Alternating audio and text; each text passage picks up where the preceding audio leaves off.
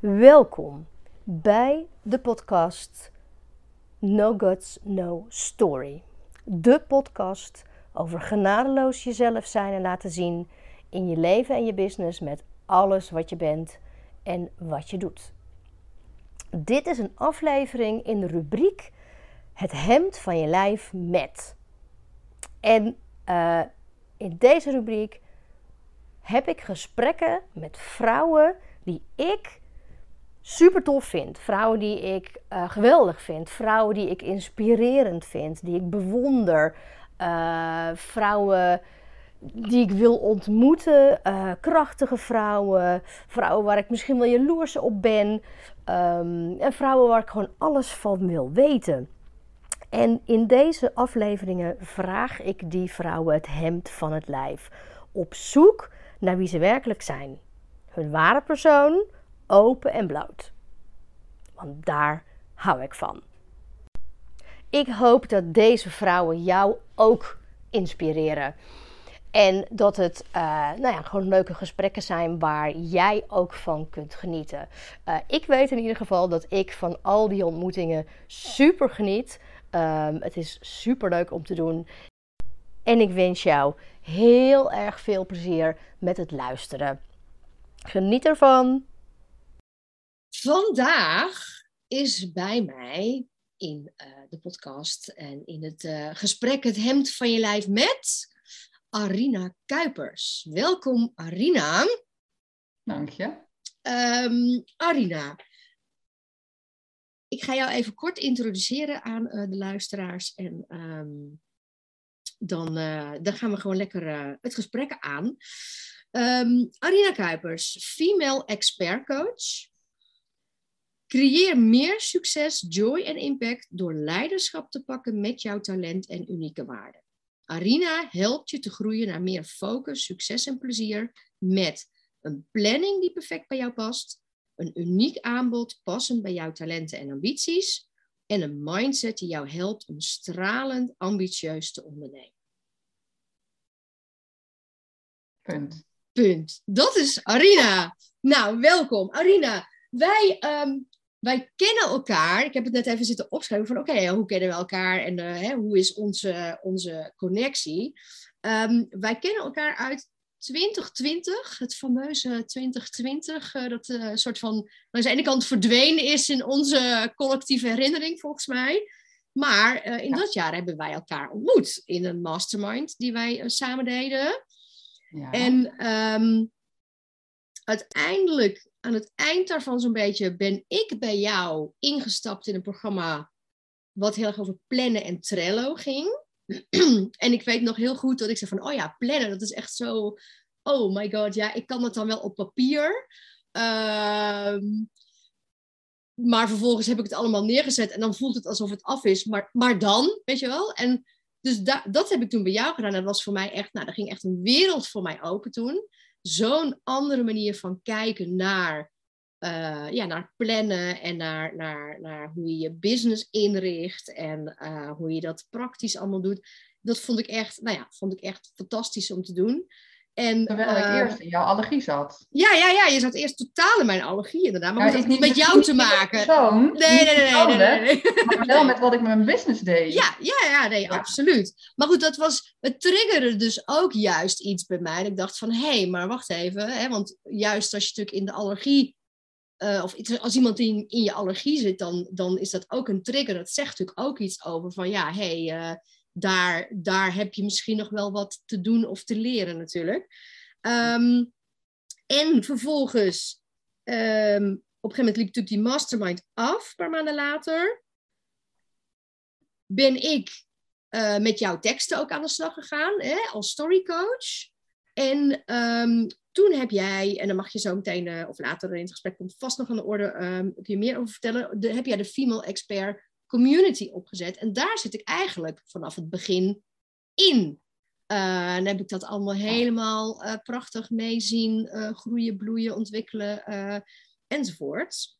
Um, dus ja, we gaan toch al, al, al, al, even terug. En we zijn eigenlijk sindsdien um, ja, business buddies geworden, maar ja, ook meer dan dat. We hebben een soort, soort bevriende business buddy. We weten eigenlijk gewoon heel veel van elkaar. En we hebben een, we hebben een ontzettende, hoe noemen we dat? WhatsApp voice berichtenrelatie eigenlijk, toch? Ja, een lange, en dat zegt meer over de lengte van de appberichten dan over de duur dat we elkaar kennen, relatie met voiceberichten. Ja. ja we hebben eigenlijk een, een, een relatie die alle kanten op gaat. Als in, er lopen echt wel, wel acht lijntjes langs elkaar, door elkaar, heen en weer. Mhm. Ehm, maar ze versterken elkaar allemaal. Ja, ik vind het wel heel mooi hoe we ja, ook hoe het werkt dus via dat soort voiceberichten, dat je ongelofelijke gesprekken kunt voeren eigenlijk. En ook, um, en ook business-wise, vragen bij elkaar kunt neerleggen, dingen tegen het licht aanhouden, elkaar spiegelen, feedback geven. Um, en af en toe kunnen we lekker gewoon verbal processen en, uh, en even klagen over... Uh, ja, check. Mannen bijvoorbeeld. Hè? Maar goed, oh, daar gaan we het vandaag niet over hebben. goed, ik ga ehm, jou een aantal vragen voorleggen. En die mag jij gewoon uh, antwoorden. Het zijn even de, de triviale vragen om gewoon een soort uh, quick and dirty uh, start te maken met dit gesprek. Om even, nou ja, voor de luisteraars ook van, nou, wat voor, wat voor vlees hebben we in de kuip hier? Nou. Dus um, ben je er klaar voor? Nee, ga door. nou, komen ze. Pure chocola of melk? Pure. Bergen of zee? Oh my god, bergen, geen zee. Winters... Wintersport of zomervakantie? Zomervakantie. Een goed boek of een magazine? Boek. Avond of ochtendmens? Oh, ochtend. die, die, wist ik. uh, fiets of step? Fiets. Brad Pitt of Tom Cruise? Oh my god. Allebei niet. okay. Thelma of Louise? Allebei. Mannen of vrouwen? Mannen. Bier of wijn? Wijn. Monogamie of een open relatie? Monogamie. Ik kan het woord bijna niet uitspreken. Trein of bus? Oh. Uh, trein. Hotel of tent? Hotel. Dat is heel duidelijk. Vlees of vis? Vlees. Douche of bad? Hmm, ja, toch douche. Puur natuur oud worden of cosmetische ingrepen? Oh, puur natuur. Schrijven of vertellen? Uh, vertellen. En wat zou jij willen eten op je laatste avondmaal?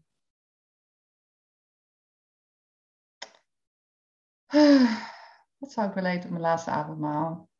Ik ben geneigd om te zeggen sushi. Maar ik denk toch dat het meer soort van nostalgie dingetjes mogen zijn van medeleven. En springt er dan iets uit? Ja, grappig genoeg. Uh, wij hadden altijd op om makkelijk te eten haalde mijn moeder dan bijvoorbeeld rosbrief en frikando en rundveesalade en allemaal van dat soort dingetjes bij elkaar. En wat ik dan deed, was zit dan de rosbrief en dan gooide ik dan de rundveesalade in, maakte een bolletje en at dat zo op. Dat soort dingen. Rookvlees met ei. Het hapje van vroeger, weet je wel. Ja, ja. Dat, dat, ja. Nou. Met sushi. Met sushi. nou, goede combi. ja. Nou, daar waren ze, dankjewel. Nou weten we gewoon uh, hele belangrijke, triviale van je.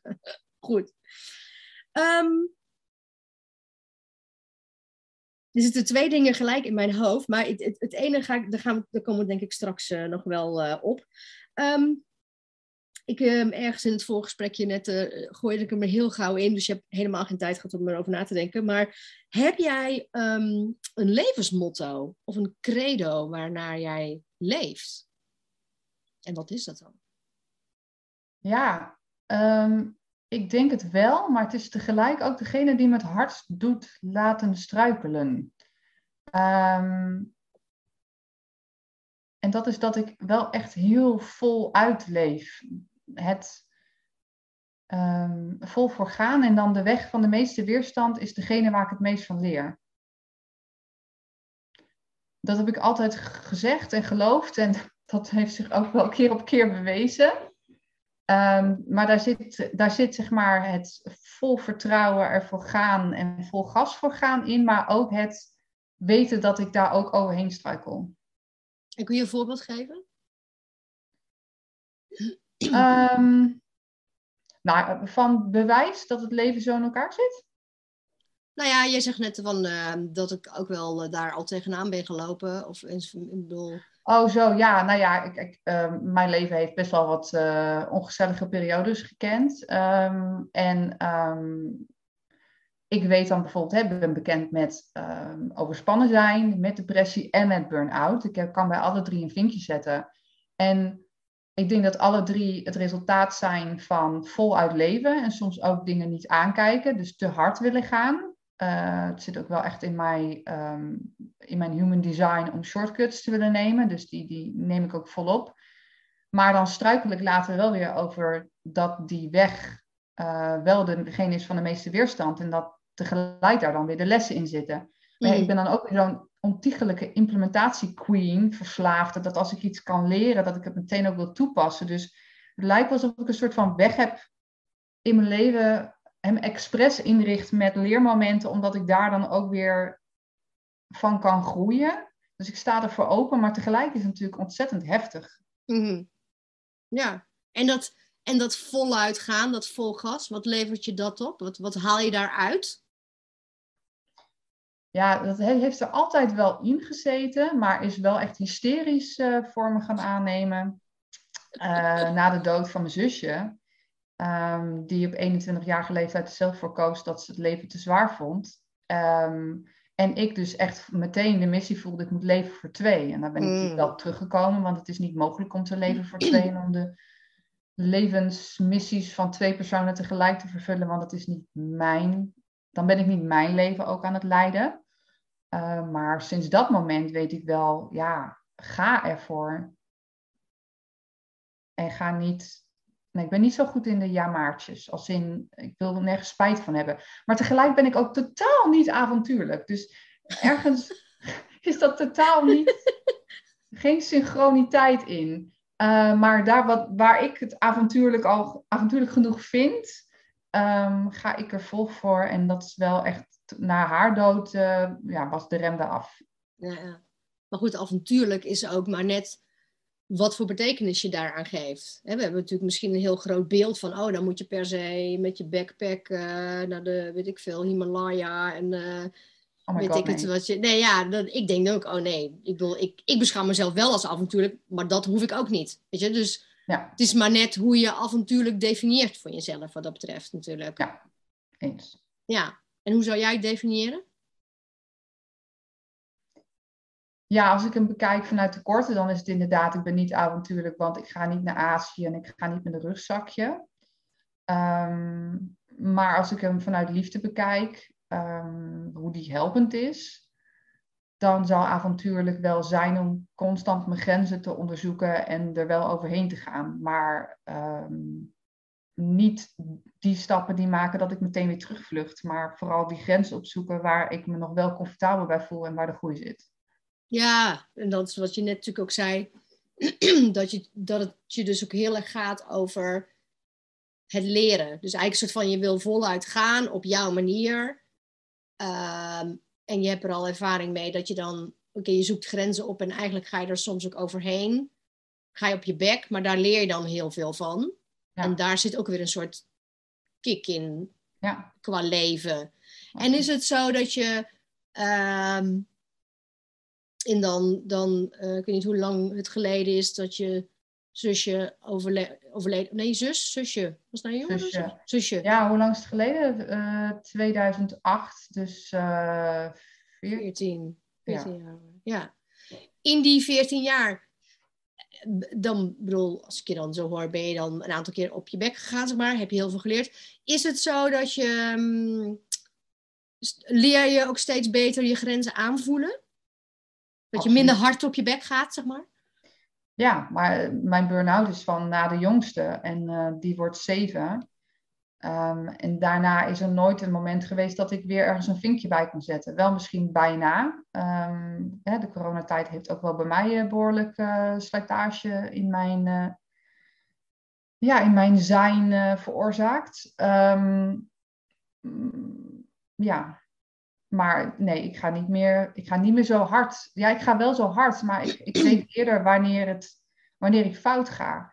Of wanneer ik nee, het is niet fout, het is allemaal goed, maar wanneer het gevaarlijk wordt. Hmm. En hoe weet je dat dan? Hoe heb je dat? Hoe, nou ja, echt een heel bewust moment was um, vorig jaar, begin vorig jaar. Toen, um, nou ja, eind 2020 was al dat mijn ouders uh, kregen corona, waren echt heel erg ziek. Mijn moeder lag ook uh, op de corona-afdeling en mijn vader bijna. En um, ik bleek ook corona te hebben, want we waren allemaal bij elkaar geweest. En ook mijn opa. Mijn opa was, 92 en had ook net de diagnose kanker gehad. Dus uh, straling werd uitgesteld. En we wisten al wel, dit gaat niet lang goed natuurlijk. Maar um, helemaal in het begin van het volgend jaar, uh, 2021, um, ja, ging het niet meer. Dus zaten wij eigenlijk op de dag dat, uh, op de sterfdag van mijn zusje bij elkaar. En, en stond hij echt keihard uh, zijn best te doen om niet op dezelfde dag te gaan. En er werd hem ook gevraagd, wil je inslapen? En dat wou hij wel, maar hij bleef nog een paar dagen vechten. En uiteindelijk het afscheid van hem en dat het dan um, allemaal dingen juist in die tijd weer boven haalt. En tegelijk met dat ik eigenlijk pas net mezelf weer een beetje op energieniveau had nadat mijn ouders zo ziek waren. Want ook in die tijd hadden we thuisschoolperiode. En, en toen merkte ik wel in die weken daarna dat ik heel dicht voor een zwart gat zat. Hmm. En ik, ik kon hem echt ruiken, voelen en zien. Um, met al mijn zintuigen kon ik hem waarnemen. En dat ik wel merkte op een gegeven moment, oké, nu, nu, nu ben ik er één stap, voor, uh, één stap verder en ik zit erin. Mm. Dus ik heb een keuze te maken. Kan ik het niet aan? Is het te veel en zak ik erin? Of ga ik er precies rechtsomheen? En toen heb ik een hele bewuste keuze gemaakt om er rechtsomheen te gaan en om even gewoon geheel tegen mijn eigen natuurlijke gevoelens in, om daarin weg te willen zakken, dingen te doen waarvan ik wist die me gingen helpen. Geforceerd, maar wel echt bewust. Dus die grenzen, um, die, die, die zie ik nu duidelijker. Uh, ik denk ook dat ik veel meer ben gaan leven naar wat ik werkelijk wil en niet wat er van me verlangd wordt. En dat je daar ook gevoeliger wordt uh, helderder ziet waar je bent, waar je staat ten opzichte van dat soort periodes van donkerte. Mooi. En wat heeft je toen geholpen? Nou, ten eerste toegeven dat het niet goed ging. Want het is wel een beetje mijn neiging om dan gewoon vooral honderd keer te roepen dat ik heel erg moe ben en dat ik het zwaar heb. Maar om niet te zeggen wat ik nodig heb. Um, dus heel veel, iedereen die het wou horen en iedereen die het niet wou horen zeggen dat het slecht met me ging en dat ik, uh, wat ik nodig had. En goede gewoontes. Ja, je merkt toch dat je slechter gaat eten, dat je niet je bedtijd uh, eert, dat je de dingen die je helpen om je van binnenuit te voeden, dat je, die bent, dat je daarmee gestopt bent. Dus heel radicaal de goede gewoontes, uh, een app waar ik vinkjes kan zetten, gewoon om mezelf op de rit te brengen. Gewoon keihard eigenlijk tegenin gaan waar ik eigenlijk naar verlang, dat is wegzakken. Mm En uh, mezelf in het licht houden. Ja. Klinkt wel als uh, heel veel zelfliefde eigenlijk. Ja, ook, ja. Klopt. Ja. Ja, toen kan me heel goed voorstellen dat je eigenlijk vanuit dat gevoel heel erg denkt, oh, ik wil gewoon even niks, ik wil wegzakken inderdaad. En dat dat eigenlijk voelt als een soort van keuze voor jezelf. Terwijl je natuurlijk eigenlijk weet dat je dan uiteindelijk misschien wel ja, slechter af, of in ieder geval ja, heel diep komt te zitten en dan weer helemaal terug moet zien te komen. Terwijl je dan eigenlijk een, een, een uh, vanuit een veel lichter hè, gevoel van inderdaad licht en zelfzorg heel erg voor die, nou ja, voor zelfliefde hebt gekozen en dan juist dingen bent gaan doen die echt heel goed voor je waren op dat moment. Echt inderdaad kiezen voor jezelf. Wat jij zei van, um, wat heb ik dan echt nodig? ja. En is dat iets wat je. Uh, hoe heb je dat geleerd te doen? Want bedoel, wat ik heel erg zie, is dat, dat is iets wat we heel weinig leren überhaupt in onze samenleving. En, en, en, en volgens mij hè, komen wij ook uit een. Goed, jij bent al een stuk jonger dan ik, maar ehm, het is niet iets wat wij in onze generatie. Heel veel.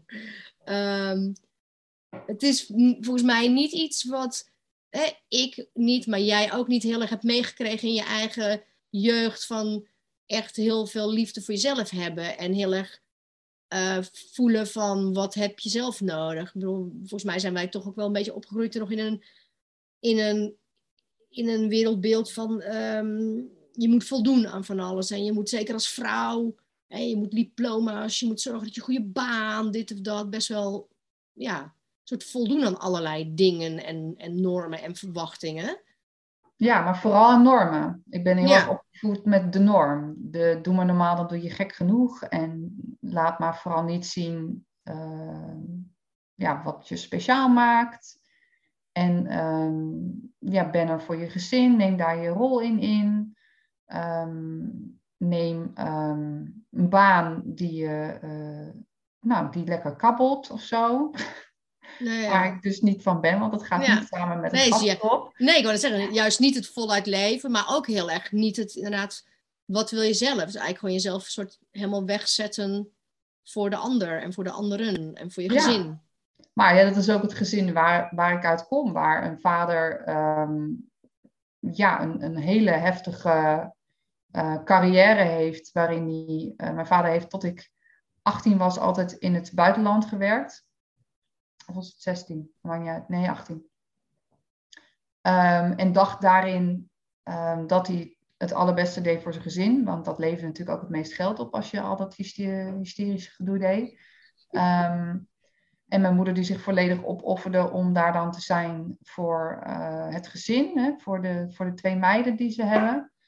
En ja, het zit allemaal heel erg in de, in de opoffer of, hmm. ja, offerstand. Dat is denk ik ook wel echt uh, mijn, um, mijn overlevingsmechanisme. Zo pleasen en dan ook echt voelen dat ik me opoffer en daar bijna voldoening uit halen. Omdat het het systeem is waar ik uit kom. Ja. En daar is uh, doen wat voor jou goed voelt, is totaal uh, niet, is gewoon niet relevant. Het doet er niet toe. En op hun manier zal het er wel toe doen of toe gedaan hebben. Maar um, ik heb niet voorbeeld gehad die zegt, joh, wat, uh, wat, waar word je echt blij van? Wat wil je doen? Nee. En um, vooral de uh, ja maar, um, de norm. Of is daar wel geld mee te verdienen? Of is dat wel handig als je later een gezin wil? Ja.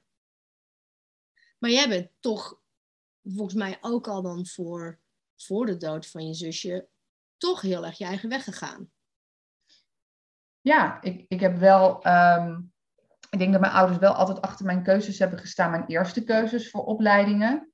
Uh, ja, eerste keuze absoluut. Tweede keuze, we hadden ze vraagtekens bij, maar achteraf ik ook. Want ik ben er toen mee gestopt en uh, heb een tussenjaar gehad de rest van het jaar. Maar mijn derde keuze voor uh, mijn opleiding, waar ik uiteindelijk mijn werk in heb gevonden, ja, daar was, hadden ze heel veel moeite mee.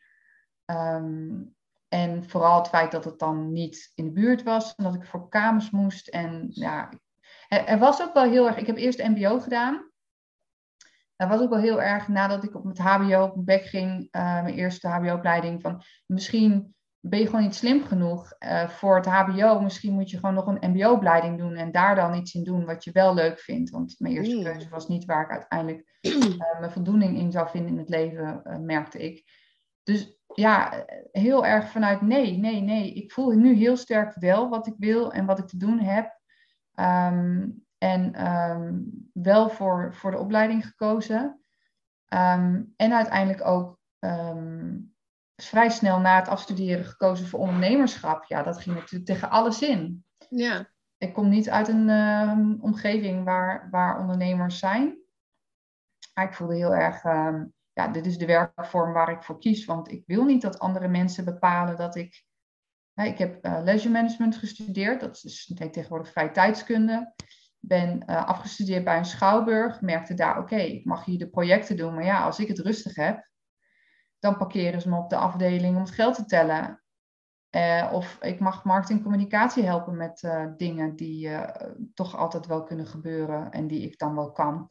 Ik wil niet ergens weggezet worden om simpele dingen te doen. Ik wil eigenlijk alleen maar doen waar ik zelf heel blij van word. Dus ehm, ondernemer ehm, zijn was ik al een jaar voor haar dood. Mm. Eigenlijk op het moment dat ik zoiets had van, oeh, jij bepaalt eigenlijk wel heel erg hoe ik mij voel. Want mijn zusje was jarenlang ziek, psychisch ziek. Uh, ja, dat was de week dat ze, dat ze ermee stopte. Dus ik stond eigenlijk net op zo'n punt van, nou, ik heb alles een beetje bekeken en gedaan. Ik heb veel vrijwilligerswerk gedaan. Ik heb hier en daar klusjes gedaan, maar nu is het tijd voor de next level. En toen, uh, toen stopte zij ermee. En toen had ik twee maanden daarna, had ik twee projecten die eigenlijk een fulltime commitment voegen. En deed ik gewoon bij elkaar tegelijk. En rouwde in de kantlijn. Ja, ja, ja. ja. Nou ja, goed. Ook misschien ook helemaal niet zo raar natuurlijk dat dat op dat moment dan een... Ja, dat biedt dan ook een goede uitweg uh, om te dealen met wat er gebeurt natuurlijk. Maar het klinkt inderdaad ook wel dat je um, echt hebt moeten ontworstelen aan iets waar je uit vandaan komt, zeg maar. Um, hè, dus juist het, het, het ontworstelen van iets waar, waarin je eigenlijk een beetje klein werd gehouden, of in ieder geval je klein voelde en, en weinig ruimte voelde om te groeien en te bloeien. En dat je daar echt in stapjes heel erg, uh, um, ja, toch een soort van je uit vrijgevochten hebt op jouw manier en keuzes gemaakt. Ja.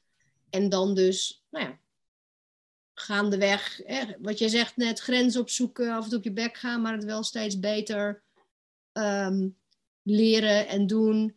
En toch altijd vanuit het gevoel op jouw manier vol gas en het voluit leven. Uh, uh, ja. Ja. En ook wel, um, kijk, ik denk dat mijn ouders geloven dat ze een geweldige job hebben gedaan. En, in a way hebben ze dat natuurlijk ook, want zij doen het weer met, uh, door het systeem wat zij hebben en met de ervaring die zij hebben met hun ouders. En het is ook heel erg, hè, onze oudersgeneratie is heel erg van de norm. En um, nou ja, als de, de voortuin bij wijze van spreken in ieder geval maar goed uitziet en de achtertuin mag dan wel een rommeltje zijn, um, de appearance hoog houden. Maar ik vind wel dat ik met relatief weinig kennis. Uh, um, op mezelf ben gaan wonen. Ik kon bijvoorbeeld helemaal niet koken. Ik kon helemaal niks op dat vlak. Um, vind ook dat. ja, ik was een hele rustige puber. Ik heb bijna niet gepubert. Er was ook gewoon geen ruimte voor. Hè. Mijn vader was altijd weg. Mijn moeder zorgde voor ons. En mijn zusje was 4,5 jaar jonger. En had toen al wel soms van die nou, ze kon heel veel negatieve aandacht vragen. Er waren toen al wel tekenen dat, ze gewoon, hè, dat, het, dat, het, mm. dat het leven wat lastiger was voor haar. Dus ik heb daar mezelf heel erg ingehouden. Dus ik kwam echt als een soort van uit het ei. Uh, ging ik op mezelf wonen en studeren. En, en de eerste keer dat ik ook kookte, was echt gewoon ja, het pak half lezen. Exact zo lang als op het pak stond de rijst koken. Maar niet gaan tellen vanaf het moment dat het water kookte. Want daar had ik gewoon niet door. En, en de eerste avond gewoon je rijst wegkiepen omdat het rauw is. Um, dus ik heb het allemaal zelf moeten ontdekken. Nou. Wie ik ben, wat ik ben. En ook gewoon life skills. Tot aan de meest simpele basic dingen als eten koken. Ja. Nou ja, daar ben je dan ook wel gewoon voluit voor gegaan, toch? En nog steeds. Ja. Dat klopt, ja. Ja. Ja. Nou ja, en ondertussen ben je zelf moeder. Um, wat voor effect heeft dat dan nu op jouw moederschap? Um, mijn opvoeding, als in hoe ik kijk naar de kids? Ja, dat. Maar dus inderdaad ook waar je vandaan... En wat jij dus... Hè, wat jij net zegt van hoe jij uit het ei bent gekropen. En, en, en uh, als je nou... Ja, gewoon nu... Uh, wat jij dan... Is het, laat ik zo zeggen, is het heel erg... Hè, wat je natuurlijk heel vaak... Ik ben natuurlijk zelf ook moeder. En daar hebben wij natuurlijk ook regelmatig gesprekken over. Um, mm-hmm. Dat je natuurlijk heel erg vaak denkt als ouder, oké, maar deze dingen ga ik allemaal heel anders doen, weet je wel. En natuurlijk doe je dan weer andere dingen waarvan onze kinderen waarschijnlijk over twintig jaar zeggen van, nou, daarvoor moet ik even in therapie gaan. Maar... Uh... Nou, ik ga er gewoon van uit dat ze allebei in therapie gaan. Dat ja, ja, ja, ik hoop het voor ze ook. Voor die van mij ook, eerlijk gezegd. Ik hoop het. Maar, uh, um, maar in de basis... Hoe, ja, in de basis, hoe sta jij er in de basis is in als moeder? Jouw, jouw, heb je daar een soort missie of een, of een, um, als je het dan hebt over hoe sta je in het leven of levenscredo, heb je dan ook een soort credo als moeder? Ja, ze zijn bij mij verplicht om te worden wie ze zijn. En niks anders. Dat, ik, ik heb ook, denk ik, maar één taak.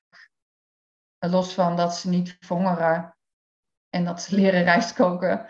Ehm, om, ehm, ja, er is maar één ding wat ik heb te doen. Dat is zorgen dat ze zichzelf zijn. En, en dat, dat geloof ik vanuit wat ik zie in de wereld op dit moment heel sterk dat het ook hoort bij, bij de wereld die, hoe het op dit moment is. Maar ook dat ik de neiging heb uh, om de conclusie te trekken dat er voor de werkelijke ik niet zoveel ruimte was. En dat ik dat absoluut anders wil doen. Ja. En dat ik, um, nou ja, ik heb uh, mijn jongste, die wordt uh, over een paar weken zeven. En ja, ergens is het heel vreemd, want ik heb altijd geweten en gewenst om een zoon. Een zoon. Ik dacht ook dat Marit, mijn oudste, een, een jongetje was. Nou, bleek een meisje te zijn, was blijkbaar ook iets wat ik mocht leren. Nou, dan heb ik een zoon en heb ik een. En, oh ja, en ik was bij Marit heel bang dat ze heel gevoelig zou zijn. Ik, zou, ik was echt bang dat ik een kopietje van mij kreeg. Ik ben namelijk mm. gevoelig. Ik heb heel veel gestruikeld in het leven op dat stuk. Ik dacht echt, oh my god, een meisje. Ik was misschien ook bang voor een meisje. Een, meisje, een meisje en hooggevoelig en dan een soort van herleven. Mm. Nou, in plaats daarvan kreeg ik een meisje die absoluut gevoelig is, maar niet hooggevoelig. En een jongetje waar ik zo naar verlangde, die echt nog, misschien nog wel gevoeliger is dan ik ben. En die mij ook echt laat zien dat ehm, het effect van leven vanuit je eigen energie en het volgen van je eigen grenzen door je energie te tracken, door te voelen waar het zit. En wat is van een ander en wat is van jou. Um, dat is een ontzettend groot, uh, ja, helend pad voor mij om hem daarin te begeleiden. Uh, en iets waarvan ik echt weet, oké, ja, weet je, als ik dit had aangepakt zoals ik zelf ben uh, behandeld als hooggevoelig, alleen toen was er nog zo weinig over bekend, toen is ik gewoon snel afgeleid en langzaam. Um, en dom. Hmm. Mijn eerste schooladvies was IVBO. Nou, lager is er niet. Terwijl ik deed de CITO-toets in groep 8 en kwam HAVO-VDO uit en iedereen die viel achterover. Zo van, wat de fuck is hier aan de hand? Hoe kan dat? Ja, tada! het zat er gewoon in, alleen niemand zag het. Ja. Um, dus ja, mijn kinderen moeten, moeten echt zijn wie ze zijn. En ik probeer op alle mogelijke manieren ze erbij te ondersteunen om dat te onderzoeken. En te voeden. Ja, en um, is er dan ook wel ruimte om dat niet te weten? Wie je dan bent? Ja, ja absoluut. Want vanuit het niet weten weet je meteen ook wat je niet bent. Dus ja. um, um, nee, juist heel veel ruimte geven voor wanneer ze op hun bek gaan en wanneer ze er niet uitkomen, uh, is de route naar er wel uitkomen. Het is ook niet dat een soort van perfecte kinderen moeten zijn die altijd met een soort van uberhelderheid moeten weten wat ze willen. Want het, vanuit het niet weten kom je erachter wat je wel bent en wat je wel nodig hebt. En het verandert natuurlijk ook. Ja. Hun levensfases veranderen, maar ook zelfs persoon veranderen. Ja. Ja, en vanuit het niet weten ga je natuurlijk op onderzoek uit. Ja, en dat vraag ik, goed, daar, hadden wij natuurlijk net ook over. En dat ik, ehm, ik zit sinds een paar weken heel erg in een soort plek van het niet weten. En ik vind dat best een lastige plek. Ja. Um, niet zozeer omdat ik hou wel van openheid en van heel veel ruimte en mogelijkheden en dingen onderzoeken.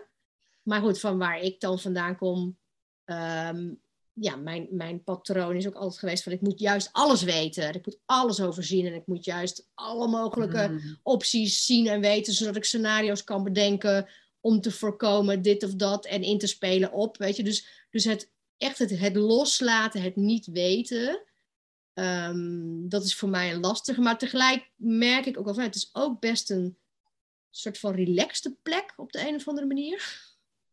Al kan ik ook niet eens precies woorden aangeven. Maar ik vind wel, want eh, jij zegt dit nu en, en, en um, deze podcast, ik zeg natuurlijk steeds over ja, genadeloos jezelf zijn. En vorige week schreef ik een stukje over ja, genadeloos. Als je dat opzoekt, de definitie, dan is het eigenlijk heel hard. Het is eigenlijk zonder genade en, en um, uh, ja, bijna hardvochtig. Terwijl ja, voor mij zit de betekenis veel meer in eigenlijk juist met heel veel genade en compassie en mildheid en openheid kijken naar wat betekent dat dan jezelf zijn en, en hoe doe je dat en, en hoe verandert dat. Ehm, dus ik zit zelf ook helemaal in zo'n, merk ik, bijna dagelijks gedachte-experiment. Um, want ik weet hoe, hoe, wat is het nu ook voor jou als je het hebt over echt genadeloos jezelf zijn? Wat, op wat voor manier probeer jij dat nu in je huidige leven? Nou ja, als jij het hebt over genadeloos jezelf zijn en ook over het stuk van hè, genade, dat dat de, de, de compassie is, de zachtheid, dan is denk ik voor mij genadeloos um, heel erg het stukje reflectie in het leven. Ehm, want als je genadeloos, als je de harde definitie pakt, dan is iets zoals het is en dan is het dus niet, niet dan beweegt het niet. Dan is het niet, het is een, een vaste vorm waar je, waar je niks mee kan. Maar als je genadeloos ziet als iets wat je kan vormen, dan vind ik het heel interessant om het dan van alle kanten te bekijken. En om dan te kijken, oké, maar wat werkt wel voor mij en wat werkt niet? Of wat werkt een beetje en wat kan ik daar dan uit leren? Het is natuurlijk ook iets wat ik ehm, bijna tot vermoeiens toe uh, predik als business coach. Ja, ja, ja, en, en, en elke keer ook mijn klanten mee om de oren sla of ze het leuk vinden of niet. Dat, ik denk dat er heel veel in het leven en in business, en ze zijn natuurlijk ook onlosmakelijk met elkaar verbonden, want hè, mevrouw of meneer de ondernemer is natuurlijk beide, um, is reflecteren en lessen leren uit wat je meemaakt. Ik zie te veel gebeuren. De, veroordeling op het negatieve en het verheerlijken van het positieve. En in beide ga je dan echt ontzettend een muur tegenkomen. Want dat is, er, zit een, er zit een tijdslimiet op. Als je namelijk het negatieve eh, niet aankijkt en als je de, de, de schaduw niet onderzoekt, dan wordt het heel snel heel donker en heel snel heel zwaar. Um, ja, dan zie je de mensen ten onder gaan. Zowel in het leven als in business. Ja, of je leert er inderdaad niet van. Als je bijvoorbeeld alleen maar een soort van in de schijnwerper gaat staan zelf. En alleen maar inderdaad heel hard, bij wijze van spreken, roept hoe fantastisch het allemaal is inderdaad. Uh, het is natuurlijk allebei, licht en donker. Het heeft allebei zijn waarde inderdaad. Ja, want je zegt inderdaad net al, ik, bedoel, ik zat al zelf van, oh ja, het bruggetje naar wat, hè, wat jij teacht en wat jij doet. Um, want mijn ervaring, um, die eerste keer natuurlijk met jou, dat programma wat heel erg over plannen ging. En daar heb ik vooral heel erg in geleerd van, oh ja, goed plannen is, is niet per se het allemaal strak op papier hebben, ehm, maar is heel erg leren van wie je zelf bent. Um, als mens, maar ook als ondernemer, als in hoe werk je, wat heb je nodig om te floreren, om, om, om, uh, om lekker te werken.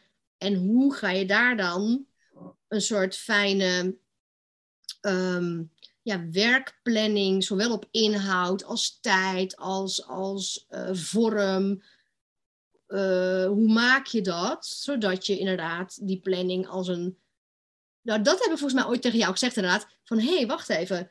Um, het geeft me um, uh, je zet eigenlijk een soort kaders neer, uh, waar die houvast geven, maar doordat je die kaders hebt, creëer je juist heel veel ruimte. Dat vond ik echt wel een groot inzicht toen, want ik, ja, ik ben iemand die dan denkt, oh kaders, ja fuck you, weg ermee, weet je wel. Ik wil geen kaders, ik wil niet ingekaderd worden, dan ga ik al meteen naar weerstand. Ik zat ook dik vet in weerstand toen.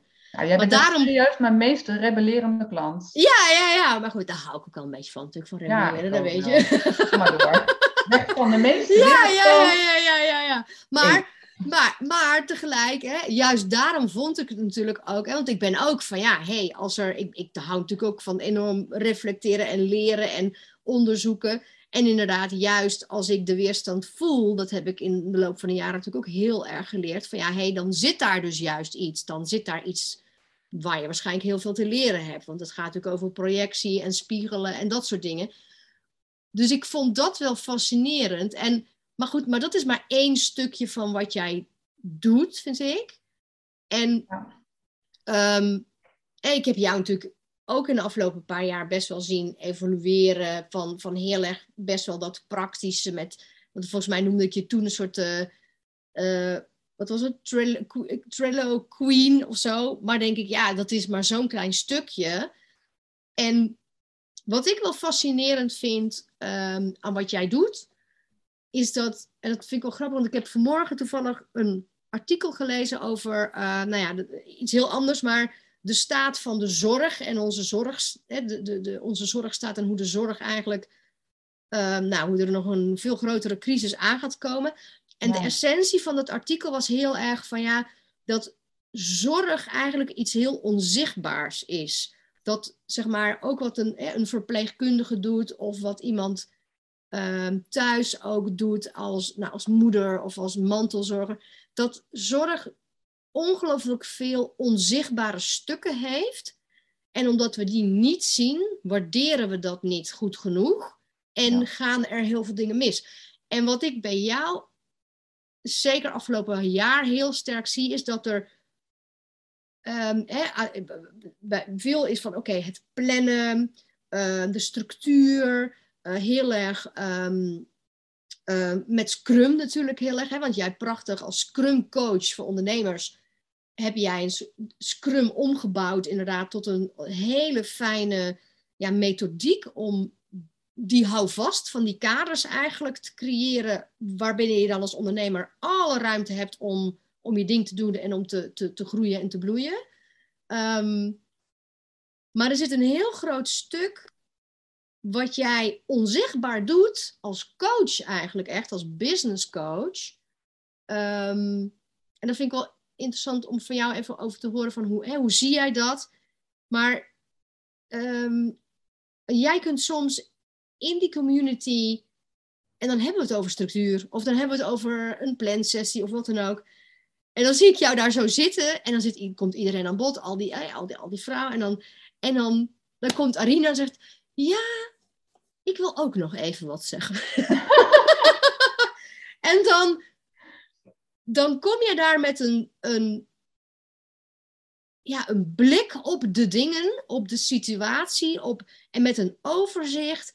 En dat is dan een soort combinatie van, van al die dingen, maar dus ook op inhoud en op business en op strategie.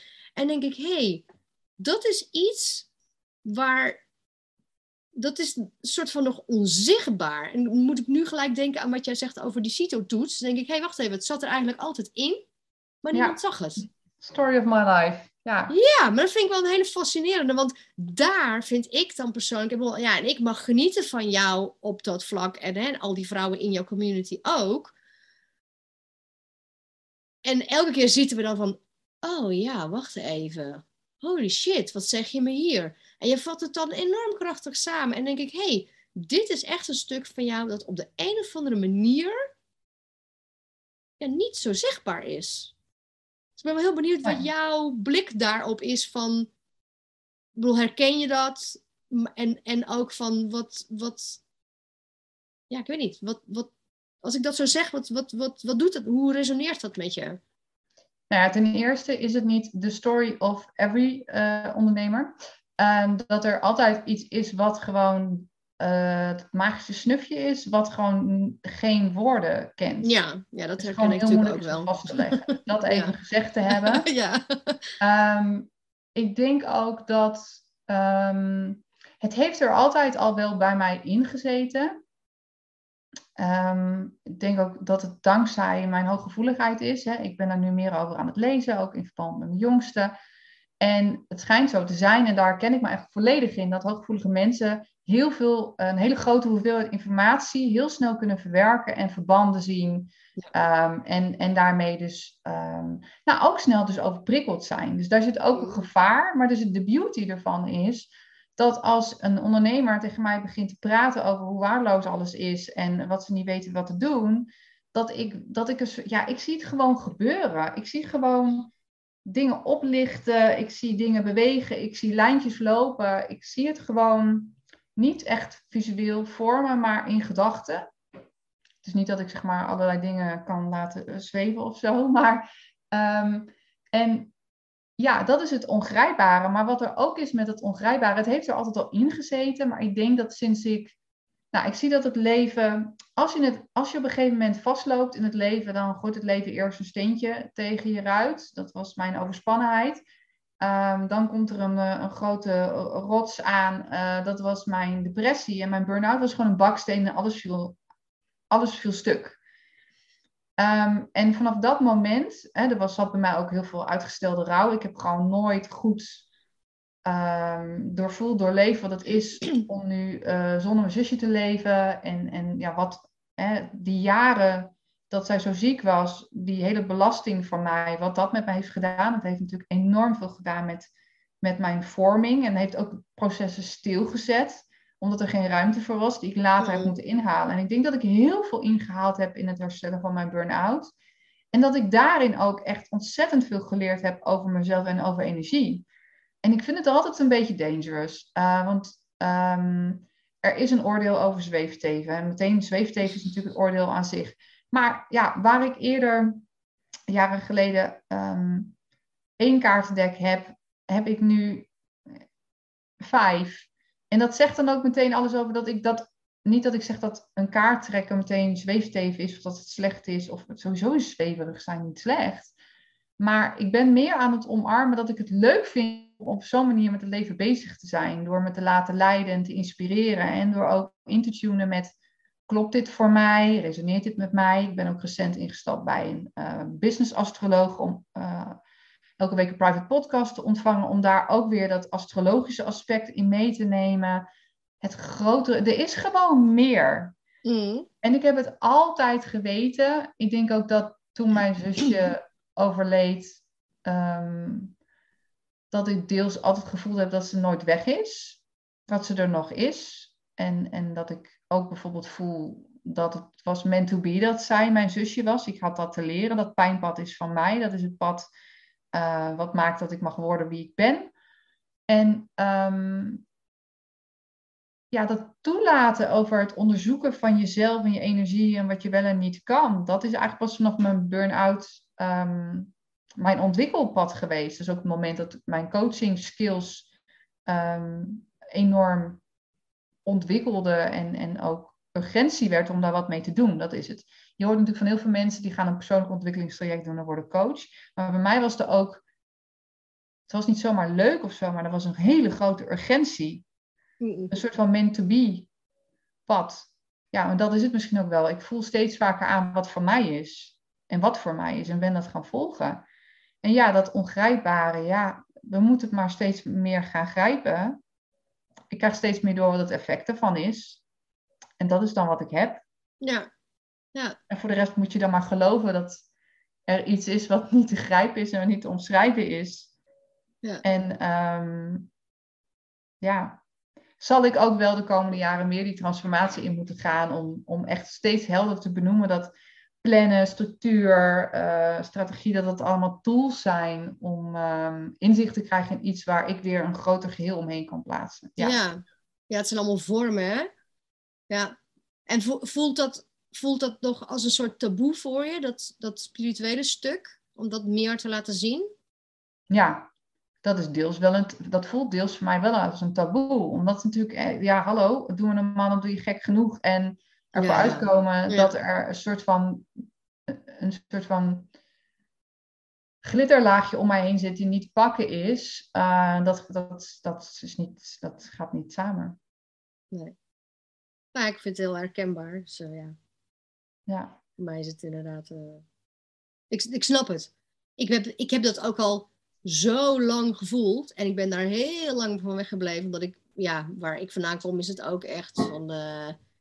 Nou ja, ook zelf uh, geen toeters en bellen en doen we normaal. En uh, allemaal bescheiden doen, weet je wel, er niet uitspringen. En, um, um, en, en dan ook nog heel lange relatie hebben met een hele rationele wetenschapper, weet je wel, die echt alles wat daar naar, naar riet, was het van echt voor hippies, weet je zo, dat. Dus ik ben daar ook heel lang van weggebleven. En terwijl, ja, en dus voor mij is het ook inderdaad een beetje een nog een weg? Want, want ja, ik, ik vind daar ook heel veel en denk, ja, het klopt zo allemaal juist. En het is zo wel wie ik ben. En uh, um, ja, het is wel fascinerend. En heb je het gevoel dat je daar want je zegt voelt nog als een taboe. Is dat ook waarom je daar nog, uh, hou je jezelf daar nog in, in tegen, om dat dan te laten zien? Als je het hebt over online marketing. Of, wat zou je dan willen? Dat vind ik dan wel zo. Wat zou je nou het allerliefste daarin willen? Wat zou je dan wel van, van de daken willen schreeuwen eigenlijk? Ja, dat wat nog niet helemaal te grijpen is. Maar ja, met welke, met welke woorden schreeuw, je dat dan van de daken? En hè, dat hebben we natuurlijk allemaal in het ondernemerschap. Want we doen. Ik ben niet de enige business coach, maar ik ben wel de enige Arina. En ik geloof wel dat er iets is wat ik doe. Ik, ik denk ook wel. Ehm, heel veel van dat wat ik voel en zie gebeuren, wordt ook wel gevoed door een, een, een, ehm, een behoefte aan verbinding, een soort van honger naar verbinding die niet, die, die is onuitputtelijk. Um, ik ben altijd op zoek naar de verbinding. Hè? Ook in het communityprogramma uh, vind ik het uh, mijn taak en een taak die ik heel serieus neem, maar ook mij heel veel voldoening geeft om, ook al zijn jullie allemaal heel anders en ook al zijn jullie verhalen allemaal uniek, om daar, daaronder dan die, die universele uh, mindfucks en thema's te pakken en die aan elkaar te knopen voor jullie, zodat je ook je meer veilig voelt en openstelt om andermans nou, struggles aan te horen en daarin de spiegel te ontvangen.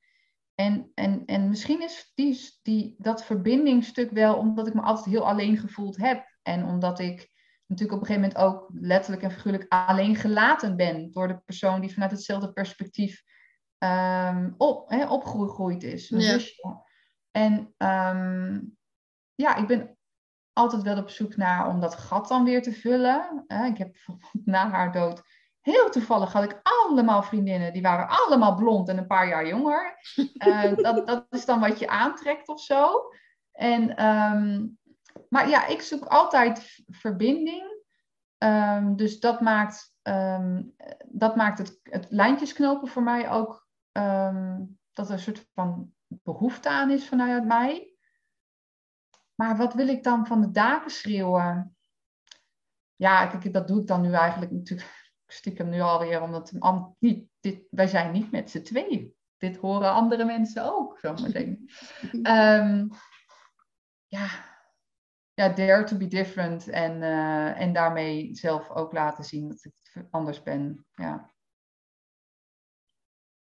Maar tegelijk voel ik dan meteen, oh, anders zijn. Niet doen, meid. Kom niet. Ga niet met je hoofdje boven dat maaiveld uit. dat noemen we dan in de tantra super-ego-stemmen van die, van die mopperende mannetjes. En dat zijn dan stemmen die altijd maar kwekken in je hoofd en je veroordelen en je, en je terugroepen. Uit een soort bescherming, hè, want ooit beschermden ze je. Maar ze komen inderdaad vooral uit je jeugd en je vroege jeugd uh, vandaan. En nou ja, goed. Ik leer dan ook van, oké, dan hoor je, nou, ik hoor je, maar ik ga, ik, ik ga maar lekker daar op die stoel zitten en ik, ik ga het gewoon toch doen, zeg maar. Ja. ja. Ja. Nou, ik vind het wel mooi dat je zegt met die lijntjes, want dat is natuurlijk ook wat wat, wat ik natuurlijk ook doe, en ik ben dan wel van inderdaad daar dan de woorden van iemand bij vinden. Nou, dat ben jou natuurlijk ook al een paar keer heel mooi uh, mogen doen. Dus dat, uh, dat, uh, dat is wel super, eh, super. Ja, ik heb heel erg het gevoel dat we ook gewoon, nou ja, worldwide. Het is natuurlijk een heel intens jaar dit jaar. En dat, er, dat we ja, echt aan een soort vooravond staan van, nou ja, van echte big shift die eraan komt. Gewoon. En ik ben wel een soort van. Ik weet niet of jij dat ook hebt. Ik ben, ik ben een soort nieuwsgierig. Maar het maakt ook dat ik zelf nog soort in een standje sta en denk: ja, maar.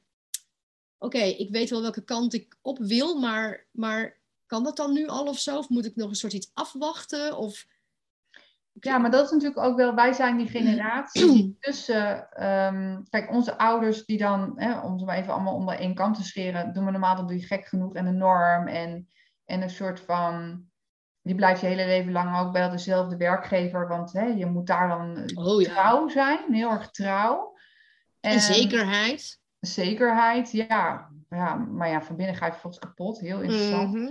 Ehm, ik voel mij wel als de, de change generatie. Dus de generatie die door de ene, hè, door de doe maar normaal ehm, generatie is opgevoed. En die tegelijk de generatie ehm baard eh, opvoedt.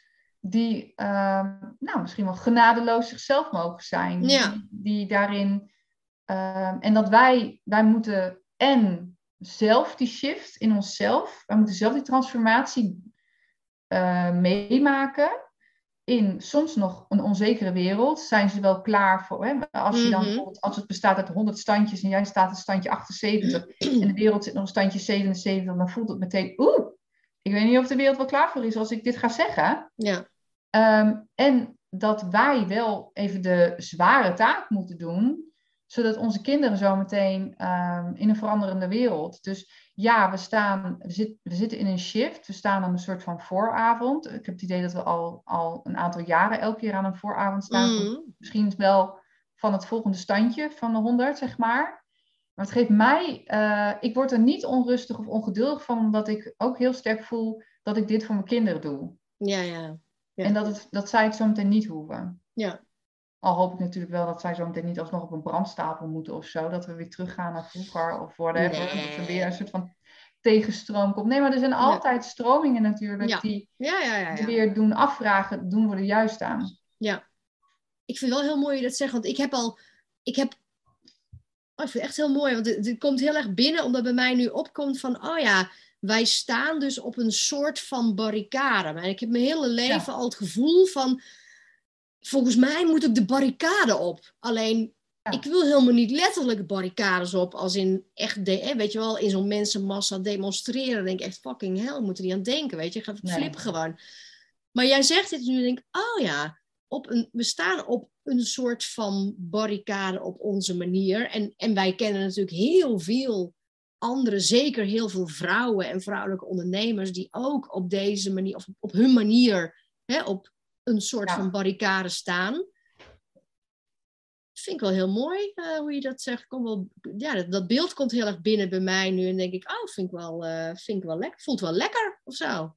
Ja. Ja, maar daar waar we dus soms ook die frustratie voelen van Ja. de wereld is er nog net niet klaar voor, ja. voel ik vooral, oh oké, dan nog nu dit stukje even niet, maar dat komt Ja. zo meteen wel. Want ik voel en weet dat het er gewoon volledig gaat zijn. Ja. En ja, wij zijn de, die change. Wij zijn die, die, die veranderende, transformerende generatie. Ja. ja, en wij kunnen dus ook het goed handelen om op onze bek te gaan, daarvan te leren en dan weer naar een next Ja. level of hè, level up, zoals jij natuurlijk ook eh, regelmatig Ja. eh, gebruikt. Hey, ehm, een beetje richting het einde van het gesprek. Ehm, als je het nou hebt ook over de impact die jij wil hebben met. ehm, hè, want dit is natuurlijk ook heel erg de impact die je dan als moeder en mens hè, voor, voor jouw kinderen eh, wil hebben ook. Wat voor impact wil je dan ook voor jouw klanten hebben als ondernemer met alles wat jij doet? De legacy die jij wil nalaten. Of, nou, ja, nalaten klinkt een heel groot woord, maar de, wat, wat Ja. de impact vooral. Nou ja, een patroon waar ik de laatste tijd wel enorm eh, ehm, vaak en hard mee ben geconfronteerd, is hoe essentieel het is dat je dus als business owner ehm, je doet wat, wat goed voelt en niet laat bepalen hoe het moet. Zoals we eigenlijk, als, je, als we nu op deze leeftijd ondernemer zouden worden, want ik ben natuurlijk ooit super jong en naïef gestart, toen had nog niemand het over dit soort dingen, maar ja, je moet wel eh, meteen een team aannemen en je moet meteen eh, vol in strategie en je moet de funnel en dit en dat. Ja, ik ben daarin misschien wel gewoon echt een ontiegelijke burgertrut. Ik hoef geen team. Ik vind ook niet dat jij een team moet. Als je ergens echt ontzettend allergie op hebt, tuurlijk, dan moet je direct iemand invliegen om weer te kunnen flowen. Ehm, maar ja, zelf doen vanuit de juiste energie en dan groeien. Ehm, dus de essentie van doen wat voor jou goed voelt. Ehm, mijn legacy zou heel, gaat denk ik heel erg bestaan uit doen wat goed voelt. Ja, het is weer echt ontzettend corny, maar en niet doen wat hoort. Ja, Ik zie zoveel vrouwelijke ondernemers doen wat hoort. En zo laten roeptoeteren door iedereen hoe het dan zou moeten. En een soort van En dan weer rechts en weer links. En oh ja, maar iemand Mm. roept dat ik, ik, ik moet daarmee bezig. Woep, en woep, daar gaan we. Maar we, we zijn helemaal kwijt. Echt het onkruid over ons pad is niet meer te begaan. Gewoon. We zien helemaal niet meer waar ons eigen pad ligt. Dus terug naar die essentie, terug naar jezelf. Wat past bij jou? En ja, daar heb je allemaal tools voor. En ja, daar heb je allemaal trucjes voor die je erbij kunnen helpen. En ja, daar ben ik altijd ontzettend eh, mee aanwezig. Maar het is alleen maar om het je makkelijker te maken. Ja, het is misschien wel gewoon om onkruid te wieden. Ja. En dan ook nog de, de goede dingen uit het onkruid te halen. Want wij noemen het onkruid, maar daarbinnen zitten ook nog wel hele mooie dingen soms natuurlijk. Ehm, Ja, nou ja, jij weet dus geen ander dat ik ontzettend ben van de ochtendwandeling. Ja. En dan wandel ik over de wal van mijn wijk. En daar staat het vol met wilde bloemen. Dus ja, er zit hartstikke veel in het zogenaamde onkruid. Ehm, en daar zit dan misschien weer die reflectie. Ja, dan moet je, je moet het zien. Maar ik vind het wel mooi wat je zegt. Want jij zegt ja, corny. Maar in feite is het niet corny. Want het is volgens mij voor ons mensen en dus ook voor ons ondernemers de grootste uitdaging. Je eigen pad volgen en echt, echt. Ik bedoel, goed, je weet, ik, ik ben natuurlijk heel erg met tantra bezig. Ja, tantra gaat alleen maar hierover ook steeds naar binnen gaan. Zelfonderzoek. Wat, wat zit er in je? Daarmee zijn. En vervolgens eh, verbinden. Hè? Dus, dus heel erg diep de verbinding met jezelf. En vanuit daar de verbinding met de ander of de wereld of je business of wat dan ook aangaan. Dus, ehm, dus ik vind het helemaal niet corny. Want het is ook gewoon hoe onze hele wereld natuurlijk in elkaar steekt. Van de regels. En, en dan zitten wij nog in het vrije westen. Hè? Zeker als vrouw. Ja. Maar ja, je zal maar in, in een ander deel van de wereld wonen waar er zoveel dogma's en regels zijn waar je je aan moet houden en, en, en, en binnen moet eh, zien te leven en te overleven. Maar ook hier is het inderdaad, en dat is natuurlijk ook social media en alles, je wordt continu in, hè, in een soort kaders geduwd en gedreven. En, en, dus het is eigenlijk het moeilijkste wat er is. Steeds naar binnen gaan Ja, en zelf bepalen en zelf kiezen en luisteren naar jezelf en dan de verbinding aangaan met de buitenwereld en de ander en op die manier je business drijven. Dus, dus ja, ik vind het helemaal niet corny. Ik vind het volgens mij cruciaal en wat we gewoon keihard nodig hebben. ja Dus, maar het is, ehm, ehm, er zijn wel echt heel veel prikkels en afleidingen die dus Ja. anders, die je het gevoel geven dat je. Eh, nou, laat ik even mezelf als voorbeeld nemen. Ehm, ik ben ehm, 39, ben nog volop eh, in de acne-fase. Blijkbaar blijf ik eeuwig jong, alleen dan op een manier die ik niet ambieerde. en ehm, ja, soms zijn er tijden, dan, ehm, dan is het, eh, nu is het rustig, relatief rustig. Maar er zijn ook periodes, dan, dan is het niet leuk. Ja, ik krijg wel eens DM's dat mensen het vinden dat ik dat weg moet poetsen. Dat ik een filter moet gebruiken of dat ik eh, make-up moet gebruiken. mm, Nou, een van die leuke dingen waarom ik al die eh, gezelligheid op mijn gezicht heb, is dat ik een gevoelige huid heb. Dus ja, als ik een keer een driedaagse supermasterclass geef in een eh, Facebookgroep, dan ben ik nog wel eens geneigd om een make-upje op te gooien. Ook omdat ik me daar dan echt wel, hè, ik voel me ook wel een soort van twee centimeter groter worden. Maar tegelijk, ja, de afgelopen twee weken ben ik eh, acht ochtenden achter elkaar live eh, om van waarde te zijn. Nou, er zit echt niks op hoor. Ehm, en daar vinden mensen dan wat van. mm, ja. Ja, ik vind er wat van dat we er wat van moeten vinden. Ja, ja, ja, Ik vind dat we moeten ophouden om dan, om dan nou oké, weet je, het is niet dat er honderden mensen dat zeggen, maar er zijn mensen die mij veroordelen dat ik gewoon dat die, die telefoon gesnufferd hou en een story maak Ja. en er niet over nadenk. Ja, hallo, het is, ik bedoel, het is niet dat het zeg maar allemaal ontzettend goor is, maar ja, als er ergens een, een soort van rode vlek zit, ga ik niet eerst een zitten wegpoetsen met een spelletje. Ik, ik, ik wil dat niet willen. Ja, ja. Nou, dat is En- ook wel heel genadeloos jezelf willen zijn gewoon en zijn. Ja, Maar inderdaad, het is, dat is inderdaad moeilijk in een, zeker die, de, de buitenkantwereld van social media. En dat, ik, ik snap dat, want ik, goed, de, je ziet inderdaad nog behoorlijk, maar goed, en dat is de hele wereld, zeker als vrouw word je natuurlijk heel erg op je uiterlijk beoordeeld. Ja, kijk naar mij met mijn haar. ja. Eh, daar vinden mensen ook vaak iets van. En inderdaad, je ziet in ieder geval aan de buitenkant best eh, wel wat eh, ja, business coaches of vrouwelijke ondernemers die inderdaad heel erg het, ja, de beauty uitspelen en het mooie. En, en, ja. en je ziet inderdaad dat, dat, ehm, dat trekt nog altijd ook veel volgers en mensen aan, inderdaad. Dus daar is echt Ja, nog wel een wereld te winnen wat dat betreft. Ja. ik heb ook heel lang geloofd dat ik dan niet mooi genoeg ben. Eh, of mezelf niet mooi genoeg presenteer om dan een grote coach te kunnen zijn in Nederland. Omdat er natuurlijk grote coaches zijn die Ja. gewoon in de meest prachtige kleding al eh dichtgeplamuurd eh, en prachtige foto's hebben. En good for them. Ehm, maar ik merk wel, ook bij andere ondernemers en ook wel bij klanten die uitspreken, ja, ik word er toch echt wel rete onzeker van. Moet Ja. ik dan ook in een aangesnoerd corset ehm, naast een dure sportauto gaan staan om serieus genomen te Ja, worden? ja, ja. En ja, zou ik niet eh, tien keer zoveel klanten hebben als ik dat soort foto's wel doe en wel altijd eh, de We weten het niet, maar ik wil die persoon niet zijn. Nee. En ik denk dat dat de mensen is die we op dit moment nodig hebben. Die zeggen, nee, ik, wil, ik ga niet beter voordoen dan ik ben. Ja. Ja, ja dat, geloof ik heel erg. Ja, maar dat geloof ik heel erg. Je hebt dat, juist dat pure, het, het echt inderdaad, nou ja, een soort van eh, alles hè, open en bloot in die zin. Van laat het maar Ja. gewoon zien hoe het echt is. Want daarmee maak je veel meer echte verbinding met anderen.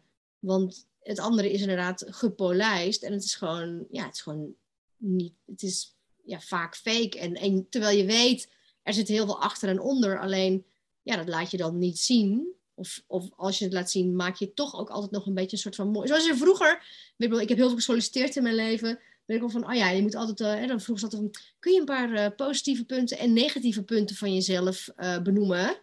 Maar dan wist ik van, ja, je moet dan altijd zorgen dat als je dan iets negatiefs van jezelf benoemt, dat je dat dan ook weer positief kunt omdraaien. Ja. Zei ik een beetje dat, weet je wel? Zo van, en ik zei ook van, ja, ik, ben heel, ik kan heel eigenwijs zijn. En eigenwijs is niet altijd positief. Maar dan zei ik ook van, ja, maar ja, dat betekent natuurlijk wel dat ik dit en dit en dit en dit, weet je? Dus, terwijl, Ja.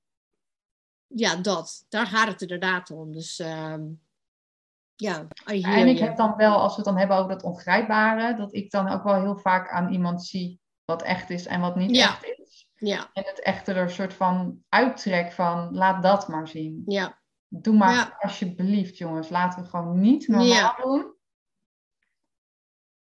En eh, gek doen. ja. Zodat je tip eh, voor de luisteraars zijn? Of heb je nog een andere tip? Nee, dit is de tip. Doe maar gewoon gek. En dan niet gek als in, ja, ik denk dat iedereen wel voelt wat ik ermee bedoel. Ja, Doe maar gewoon speciaal. Niet, wie denken ze wel niet, ehm, of wie denk ik wel niet dat ik ben. ja, Laat ze maar zien wie je bent. ja. Echt de real you, het geladeloos jezelf, op jouw manier laten Ja. zien en horen. Niks wegpoetsen. Ja. ja. En als je, en als je daar ook de waarde weg. Ja, ja, ja. Kijk, en als, je, en, en als je daar dan wel oké mee bent, als je denkt, oh ja, dat doe ik altijd, bij wijze van spreken, of whatever, dan is het ook goed, weet je? Ook Ja, natuurlijk. Maar ik had nooit, ik heb bijna nooit make-up op mijn hoofd. Nee. Ik ga het niet denken veranderen omdat ik groot wil worden. Nee. Nee. Nou, vind ik een hele goeie. Dankjewel. Graag gedaan. Ging het ergens heen? Ik Ging vind van wel. Nee. Ging het? Is het wat je hoopte? Ehm, het, het, het, het leuke vind ik zelf, ik, ik eh, ga er eigenlijk gewoon een beetje open en blind in. Omdat als ik zelf heel erg zo'n gesprek inga met, oh ja, dit moet eruit, of we gaan het hierover hebben, dan werkt het helemaal niet. Ehm, ik doe eigenlijk deze gesprekken ook op de manier waarop ik eh, mijn, mijn story coaching doe. Met een aantal haakjes en begin, eh, eh, eh, zeg je dat? Beginpuntjes.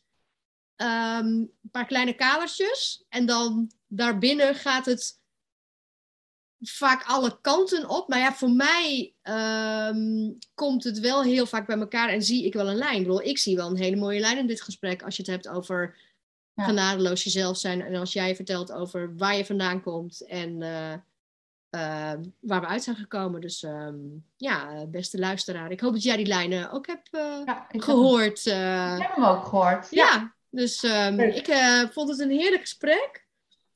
Heel erg bedankt voor je tijd. En ehm, dan sluiten we hem gewoon af. Dan wens ik je nog een, een heerlijke dag. Ja, joh. Dankjewel. Doei! Dit was het. De aflevering in de rubriek Het hemd van je lijf met. Ik hoop dat je ervan genoten hebt. Ik hoop dat het een inspirerend gesprek was. Wil je meer weten over deze vrouw? Uh, check het dan um, in de uh, omschrijving. Daar zal ik uh, wat informatie geven.